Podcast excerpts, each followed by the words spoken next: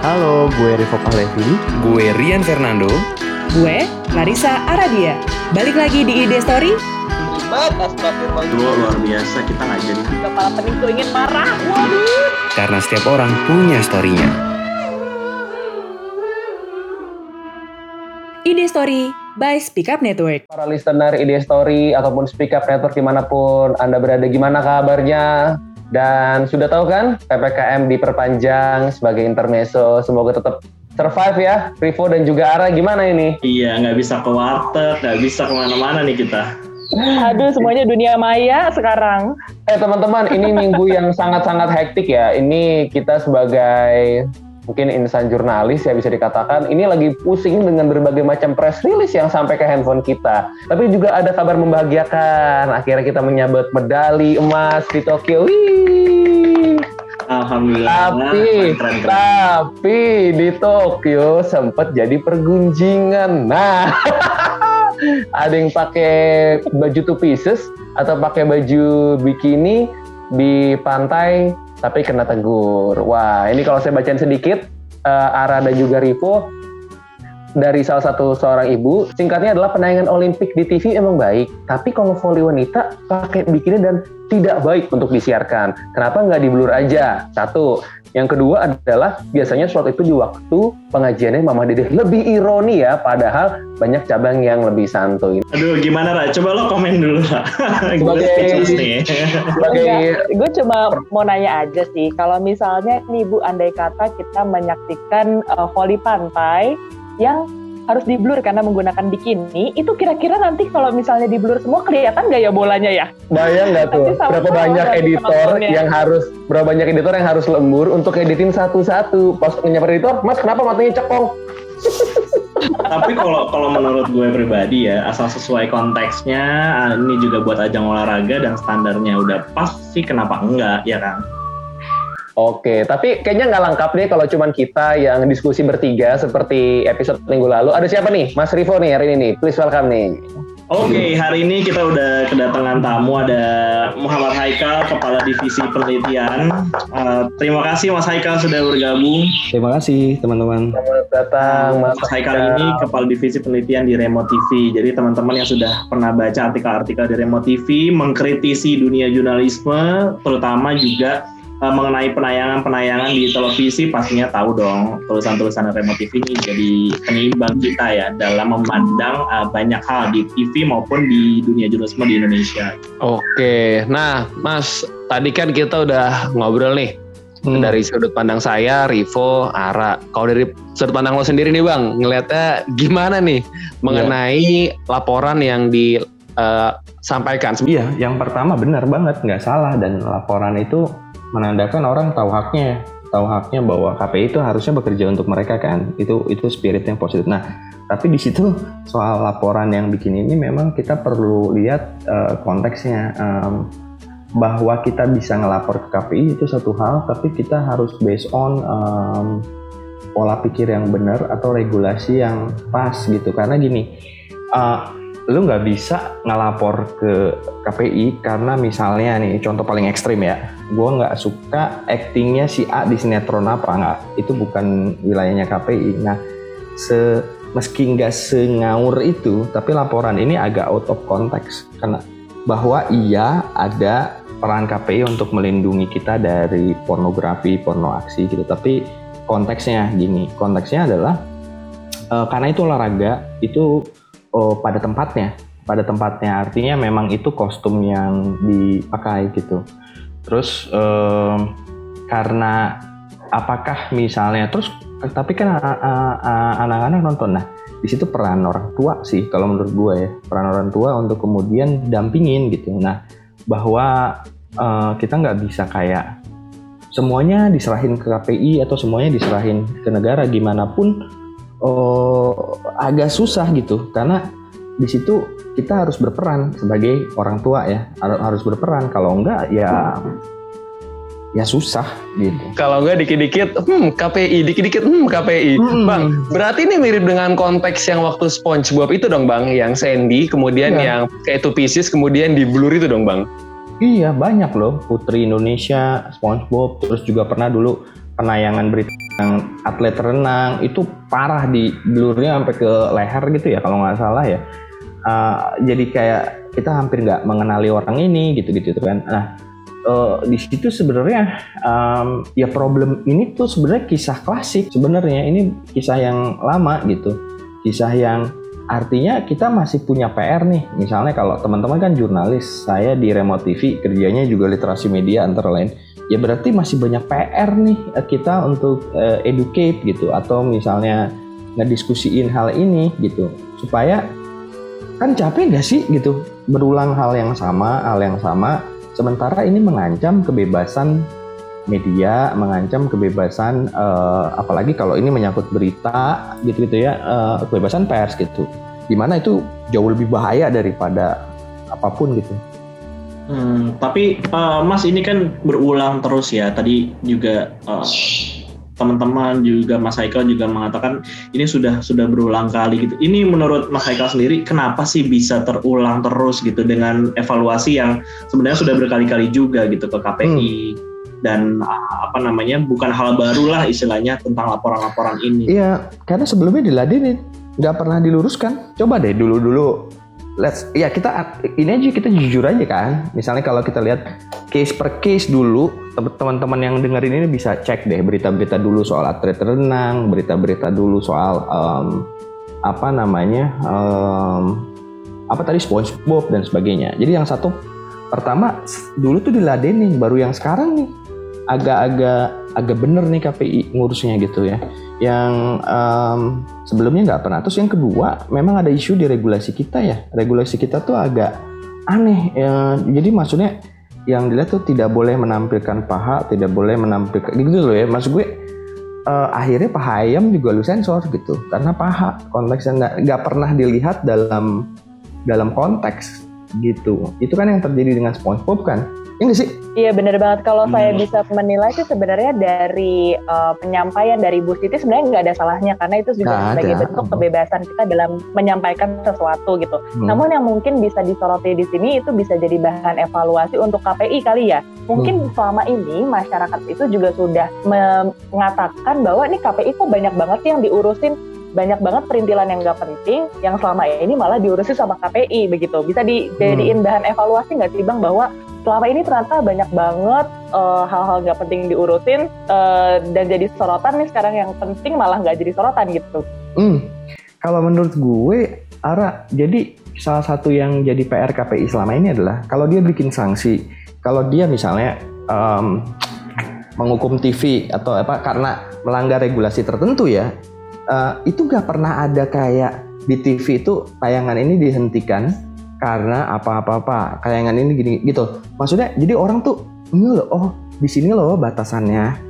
Oh program ini tuh gini karena gini. Jadi kan kalau ada announcement itu kan orang jadi belajar. Ini eh, nggak uh, pernah ada. Jadi fungsi KPI yang menurut gue kurang efektif itu nge ngejelasin perannya dia ngejelasin perannya dia dan batas-batas apa aja yang bisa di ini gitu. Jadi orang tuh aware selama ini uh, positifnya dari ibu itu tuh tahu bahwa KPI itu ber, harusnya harusnya menjalankan aspirasi gue. Tapi aspirasi itu kan um, nggak nggak semua hal. Kayak tadi misalnya gue nggak suka actingnya si ini gue nggak suka ini nggak gitu kan. Tapi koridornya di mana sih gitu? Nah koridor itu nggak pernah terjelaskan gitu. Oke, berarti nih kalau kita singgung sedikit, uh, mungkin para listener uh, ada yang belum sempat googling gimana resultnya karena cuma lagi blow up hmm. doang. Hmm.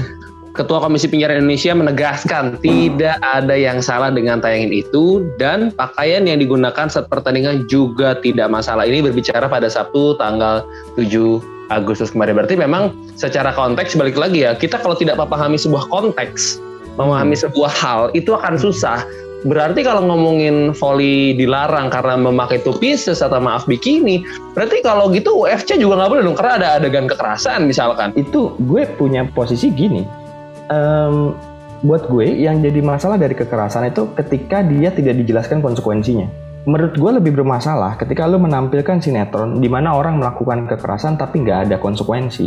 Lo mukulin orang terus terus jadi jagoan atau apa yang gitu-gitu loh maksudnya. Nah itu tanpa ngejelasin bahwa satu kekerasan tuh harus ada konsekuensi, kedua kekerasan tuh harus jalan terakhir. Nah beda konteksnya sama sport. Nah sport ini apa? Misalnya yang kan misalnya gini, se, ya se, ininya di sport tuh kan lu ada shake hand, lu ada uh, apa ya? Ya walaupun nggak selalu selalu ada yang nggak sportif, tapi tapi kan dia dikutuk minimal sama panditnya, sama komentatornya. Maksud gue jadi sebenarnya value itunya. Lagi pula gini, gimana sih cara lu menunjukkan keker kekerasan itu buruk tanpa menampilkan kekerasan? Framework itu yang nggak pernah clear bertahun-tahun tuh kalau di kita dulu di Remote TV pernah bikin riset misalnya tentang si Biang Korok Cilik dulu itu sinetron anak itu ngaco banget sinetron gitu ya. Dan kita udah jelasin nih masalah-masalah kekerasan yang di dalamnya kita kategorikan kekerasan yang bermasalah dan yang enggak uh, apa aja yang tadi gitu. Nah tapi sayangnya itu belum pernah diinkorporasi dalam P3SPS-nya KPI jadi buat para pendengar P3SPS itu semacam apa ya? Manual booknya KPI gitu loh. Semacam aturannya KPI turunan dari undang-undang penyiaran. Hmm, nah itu kita suka baca sih bang. Itu di kantor ya menjadi acuan kita dalam program-program baru. Kalau mau tayang tuh biasanya harus mematuhi itu gitu.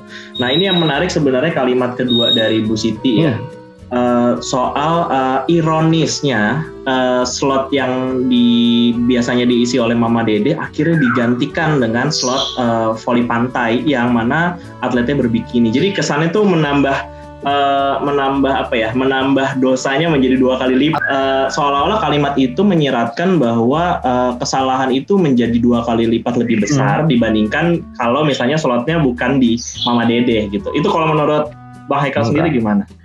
Uh, menurut gue ini ini kan apa ya cara uh, gue nggak ngerti gimana ini tapi itu cara orang Indonesia ya kadang-kadang gini uh, ya ini kan di bulan Ramadan karena itu tayangan kekerasan harusnya nggak boleh. Enggak, di tiap bulan nggak boleh.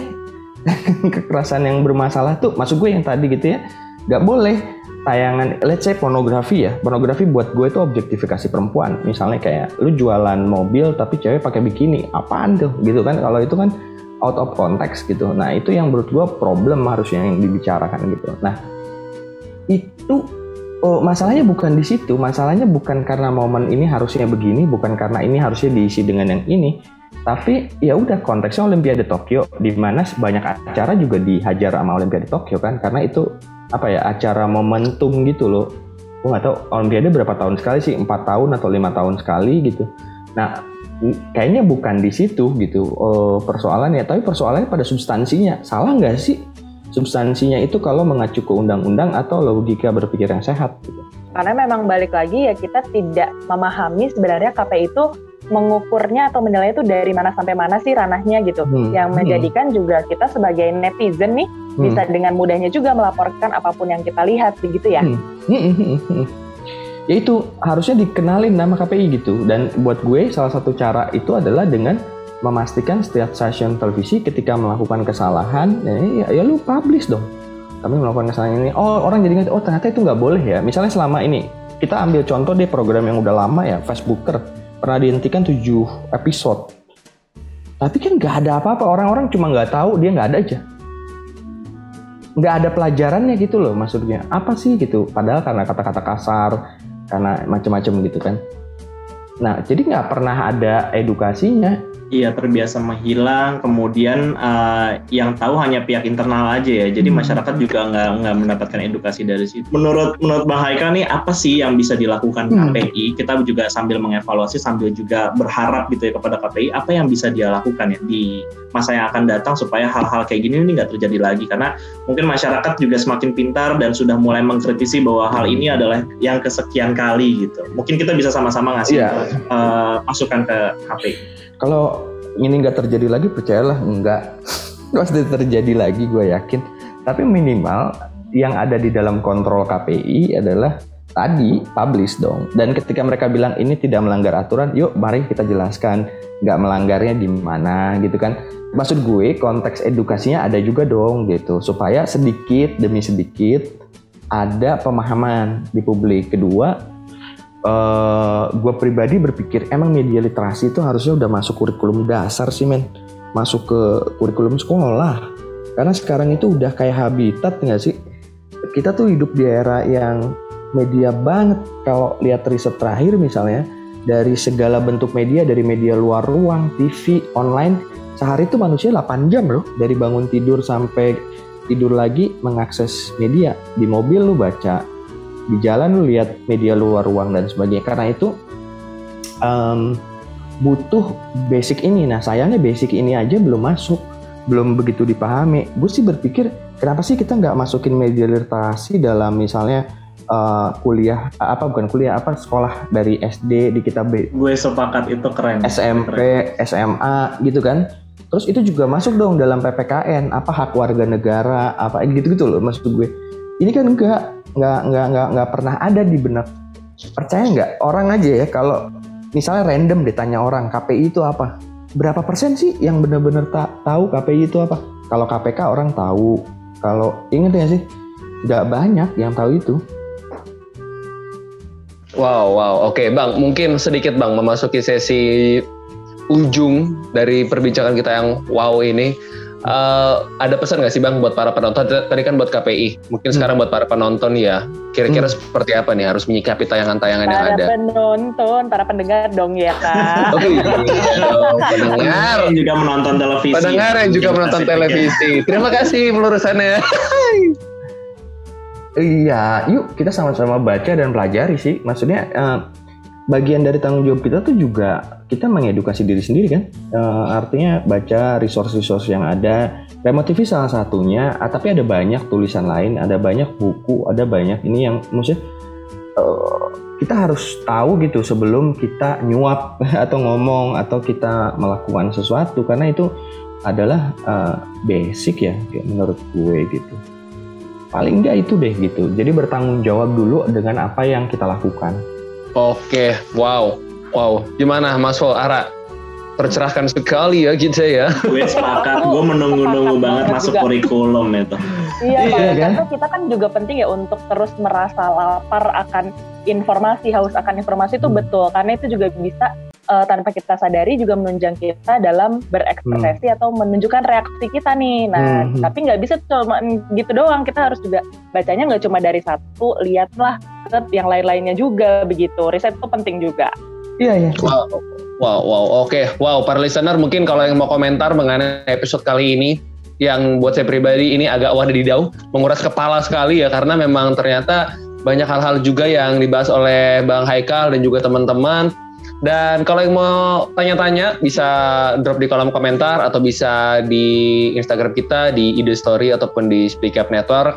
Dan wow, mungkin saya bisa kasih sedikit summary ya. Nanti bisa ditambahin sama teman-teman kalau ngomongin soal pertelevisian, kayaknya nggak akan pernah ada habisnya ya mengenai hal-hal yang dirasa tidak cocok dengan sebuah moralitas sekelompok orang. Mungkin yang bisa kita jaga adalah kita harus tahu bahwa kita punya hak utuh pada diri kita sendiri dan kalau dirasa sudah tidak cocok mungkin bisa melaporkan bisa tapi mungkin juga bisa langsung mungkin bisa dikatakan mengganti channelnya atau bisa mengedukasi. Paling cukup itu aja dong karena gue penasaran dengan reaksi teman-teman di kolom komentar nanti ya. Uh, baik soal tema ini maupun tema-tema usulan mereka untuk next episode-nya karena kita akan ngebahas juga current issues dari sudut pandang teman-teman dan juga pihak-pihak yang capable untuk membahas itu dan gue nggak sabar buat uh, melihat reaksi teman-teman nanti di Instagram oh, dan juga Spotify. Oke, okay, kalau gitu. Terima kasih Bang Haikal untuk kesempatannya diskusi you, dengan Thank kami. You, bang. Jangan lupa untuk komentar teman-teman ide seri pun uh, berada. Tetap jaga kesehatan dan akhir kata saya Ren Fernando. Dari Levi.